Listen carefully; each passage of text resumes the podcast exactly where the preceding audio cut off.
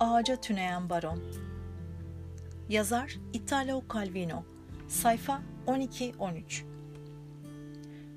O zamanlar bizim oralarda nişanın bozulması büyük bir yüz karası olarak görülürdü. Böylece ablamızın sonu kuşku uyandıran eğilimi göz önünde tutularak rahibelik yemini bile ettirilmeden rahibe kılığında eve gömülmek oldu. Kötücüllüğü özellikle mutfakta açığa çıkıyordu. Yemek pişirmekte pek maharetliydi. Her iyi aşçının başlıca nitelikleri olan özen ve yaratıcılıktan yoksun değildi.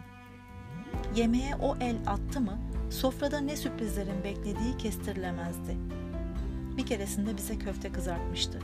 Çok lezzetli olduğunu söyleyip afiyetle yutarken değil de bitirdiğimiz zaman bize işin aslını, köfteleri fare ciğerinden yaptığını söylemişti. Bir turtanın üstüne mozaik gibi döşediği çekirge bacakları hem de çok sert ve tırtıklı arka bacakları ve simit gibi yuvarlayıp ızgarada pişirdiği domuz kuyrukları da cabası. Bir keresinde de bize bütün bir kirpiği pişirmişti. Bütün dikenleri üstündeydi. Neden mi? Kim bilir, belki de yalnızca kapağı kaldırdığında nasıl irkildiğimizi görmek için. Ama pişirdiği her şeyi kendisi de yediği halde bunun tadına bakmak istemedi. Pembecik, körpecik bir yavru kirpi olsa da. Aslında dehşet verici yemeklerinin çoğu başkalarını etkilemek amacı güdüyordu. Tüyler ürpertici şeyleri tattırmak gibi bir hevesi yoktu.''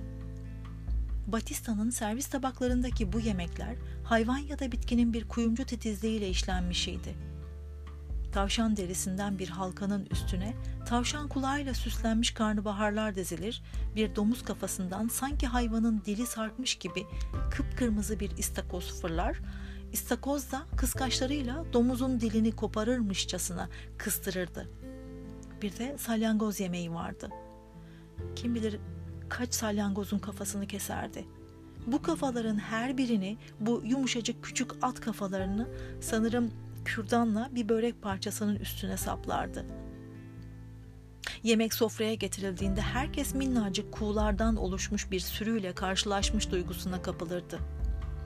Bu el emeği göz nuruyla hazırlanmış yemeklerin görünüşünü etkili kılan, Batista'nın bunları hazırlarken gösterdiği aşırı gayretkeş azmini düşünmemiz, onu o incecik elleriyle hayvan gövdeleriyle uğraşırken gözümüzün önüne getirmemizdi.